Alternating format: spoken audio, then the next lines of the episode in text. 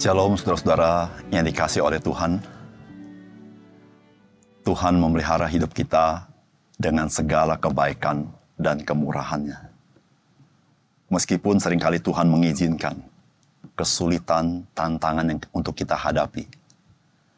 Namun semuanya itu supaya kita belajar menjadi seorang Kristen yang dewasa di dalam Tuhan. Kedewasaan itu ditunjukkan ketika kita semakin percaya kepadanya dan semakin bergantung kepada Tuhan. Salam jumpa dalam program Tuhan adalah Gembalaku.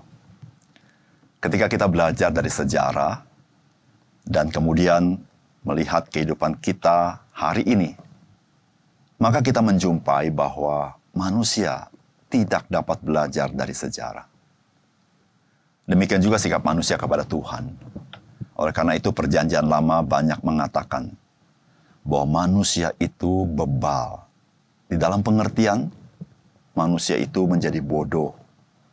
Bukan dalam intelektual, tetapi dalam hal rohani.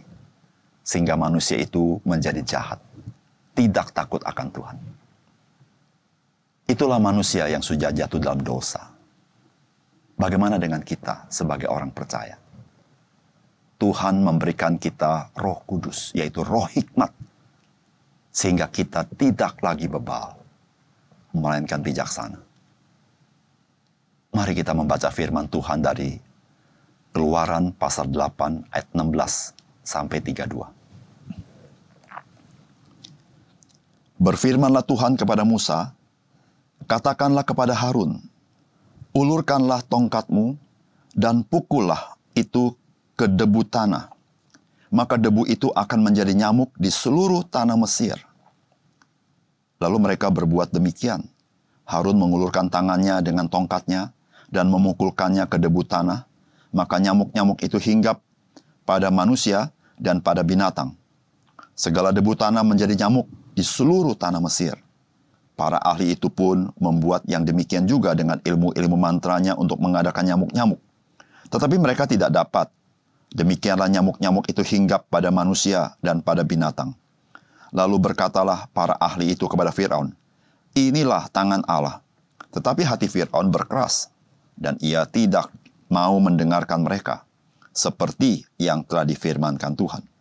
Berfirmanlah Tuhan kepada Musa, "Bangunlah pagi-pagi dan berdirilah menantikan Fir'aun. Pada waktu biasanya ia keluar ke sungai, dan katakanlah kepadanya, Beginilah firman Tuhan, biarkanlah umatku pergi, supaya mereka beribadah kepadaku. Sebab jika engkau tidak membiarkan umatku itu pergi, maka aku akan melepaskan tikat terhadap engkau, terhadap pegawai-pegawaimu, rakyatmu, dan rumah-rumahmu, sehingga rumah-rumah orang Mesir bahkan tanah di mana mereka berdiri akan penuh dengan pikat. Tetapi pada hari itu aku akan mengecualikan tanah Gosien, di mana umatku tinggal, sehingga di sana tidak ada terdapat pikat, supaya engkau mengetahui bahwa aku, Tuhan, ada di negeri ini. Sebab aku akan mengadakan perbedaan antar umatku dan bangsamu. Besok, tanda mujizat ini akan terjadi Tuhan berbuat demikian, maka datanglah banyak-banyak pikat ke dalam istana Fir'aun dan ke dalam rumah pegawai-pegawainya dan ke seluruh tanah Mesir. Negeri itu menderita karena pikat itu. Lalu Fir'aun memanggil Musa dan Harun serta berkata, Pergilah, persembahkanlah korban kepada Allahmu di negeri ini. Tetapi Musa berkata, tidak mungkin kami berbuat demikian. Sebab korban yang akan kami persembahkan kepada Tuhan Allah kami adalah kekejian bagi orang Mesir. Apabila kami mempersembahkan korban yang menjadi kekejian bagi orang Mesir itu di depan mata mereka, tidakkah mereka akan melempari kami dengan batu? Kami harus pergi ke padang gurun tiga hari perjalanan jauhnya untuk mempersembahkan korban kepada Tuhan Allah kami, seperti yang difirmankannya kepada kami. Lalu kata Fir'aun, baik, aku akan membiarkan kau pergi untuk mempersembahkan korban kepada Tuhan Allahmu di padang gurun. Hanya janganlah kamu pergi jauh, terlalu jauh, berdoalah untuk aku. Lalu kata Musa, sekarang aku keluar meninggalkan tuanku dan akan berdoa kepada Tuhan. Maka pikat itu akan dijauhkan besok dari Fir'aun, dari pegawai-pegawainya, dari rakyatnya. Hanya janganlah Fir'aun berlaku curang lagi dengan tidak membiarkan bangsa itu pergi untuk mempersembahkan korban kepada Tuhan. Sesudah itu keluarlah Musa meninggalkan Fir'aun, lalu berdoa kepada Tuhan. Dan Tuhan membuat seperti yang dikatakan Musa. Pikat itu dijauhkannya dari Fir'aun, dari pegawai-pegawainya, dan rakyatnya. Seekor pun tidak ada yang tinggal. Tetapi sekali ini pun, Fir'aun tetap berkeras hati. Ia tidak membiarkan bangsa itu pergi. Saudara yang dikasih oleh Tuhan, membaca tulah-tulah yang Tuhan adakan di tanah Mesir itu membuat kita disadarkan bahwa Tuhan dapat memakai alam, memakai hewan untuk menyatakan kedaulatannya. Dan ia sanggup membuat manusia kewalahan. Tulah awalnya tidak menyentuh sampai ke ruang pribadi lalu menyentuh ruang pribadi. Dan sekarang yang kita baca ini, dia menyentuh tubuh manusia dan tubuh hewan. Di mana yang disebut nyamuk ini sebenarnya adalah serangga yang mirip nyamuk. Namun ketika dia menggigit, memberikan efek yang lebih buruk daripada nyamuk. Dan kemudian kita lihat, ada pikat yang ditampilkan Tuhan. Di mana ketika pikat ini menggigit, efeknya lebih buruk daripada disengat oleh lebah. Sehingga orang perlu penyembuhan dengan obat yang lebih kuat seperti antibiotik. Apakah pesan firman Tuhan bagi kita hari ini? Yang pertama, firman Tuhan hari ini mencelikkan mata kita bahwa mengakui kekuasaan Tuhan tidak selalu sama dengan percaya kepada Tuhan. Di dalam ayat 18 dikatakan, para ahli itu pun membuat yang demikian juga dengan ilmu-ilmu mantranya untuk mengadakan nyamuk-nyamuk.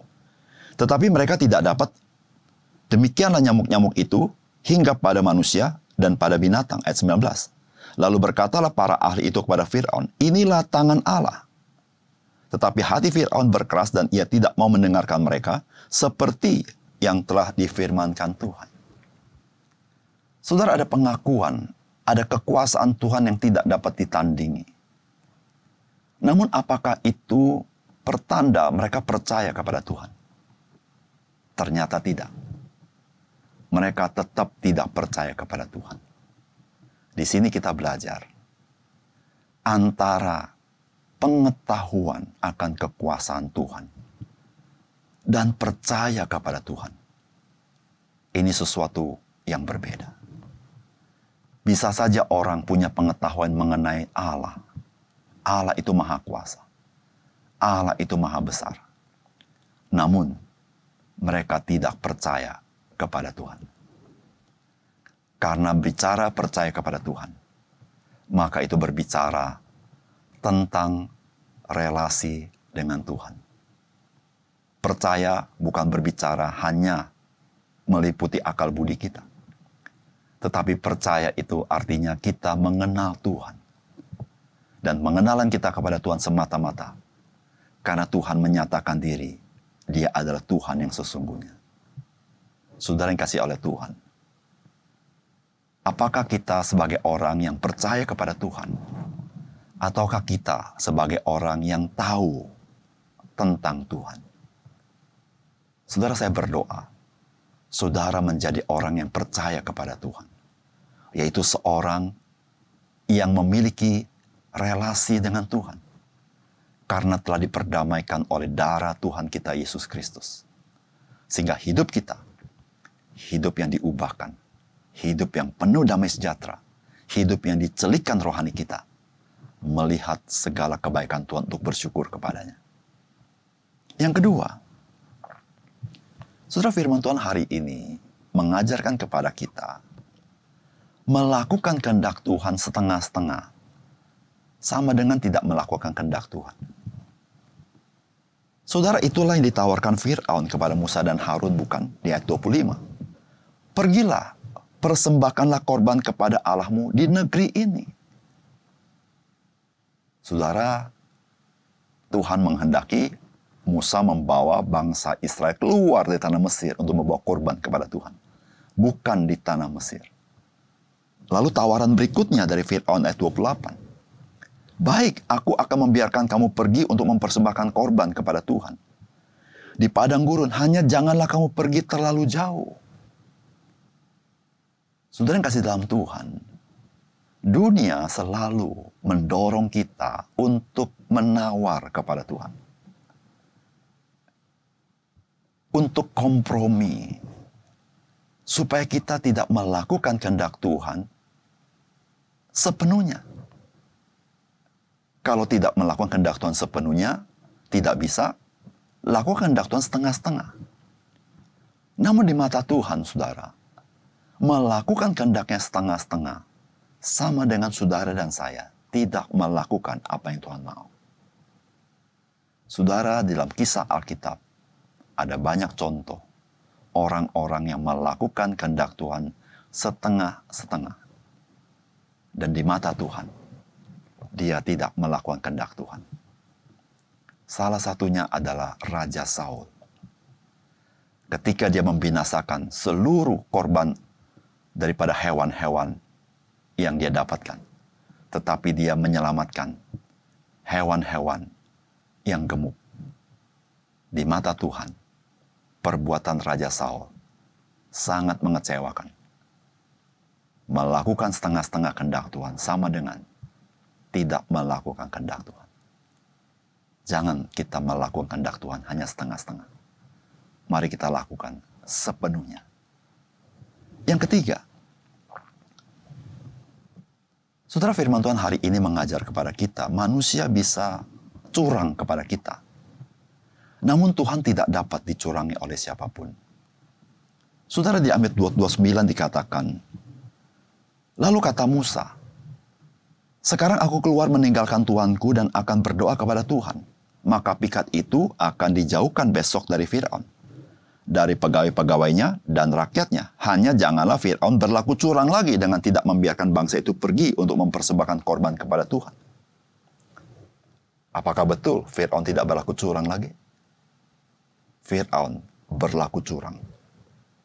Fir'aun mengeraskan hati kembali dan tidak membiarkan bangsa Israel pergi. Saudara, bangsa Israel bisa dicurangi oleh Fir'aun Musa dan Harun bisa dicurangi oleh Firaun. Tetapi Firaun tidak tahu. Tuhan tidak dapat dicurangi. Saudara-saudara yang kasih dalam Tuhan, janganlah kita berpikir kita bisa berbuat apa saja kepada orang lain. Semaunya kita. Saudara ingat, ada Tuhan yang engkau dan saya tidak dapat mencurangi dia tahu apa yang kita kerjakan. Dan dia bisa bertindak sesuai dengan hikmat kekuasaannya. Oleh karena itu, saudara, marilah kita belajar untuk hidup benar di hadapan Tuhan. Hidup jujur di hadapan Tuhan. Ketika manusia mencurangi kita, kita tidak perlu menjadi kecewa, marah, karena kita tahu penghakiman ada di tangan Tuhan. Tuhan tidak pernah bisa dicurangi oleh siapa pun. Mari kita berdoa. Bapak surga terima kasih untuk kebenaran firman-Mu. Biarlah Engkau mengajar kami selalu bersandar kepada Tuhan, mengasihi Engkau. Karena sesungguhnya Tuhan Engkau ingin kami selalu berdekat kepadamu.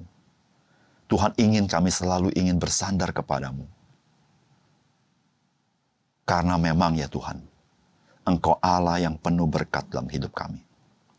Oleh karena itu, apa yang kami pelajari pada hari ini biarlah sungguh-sungguh kami hayati, sehingga kami boleh hidup berkenan kepada Tuhan. Tuhan terima kasih untuk kebenaran firman Ajar kami dengan segenap hati hidup bagi Engkau. Dengan segenap hati taat kepada Tuhan. Melakukan kehendak Tuhan dalam hidup kami. Supaya kami boleh memuliakan nama Tuhan. Terima kasih Tuhan dalam nama Tuhan Yesus kami berdoa. Amin.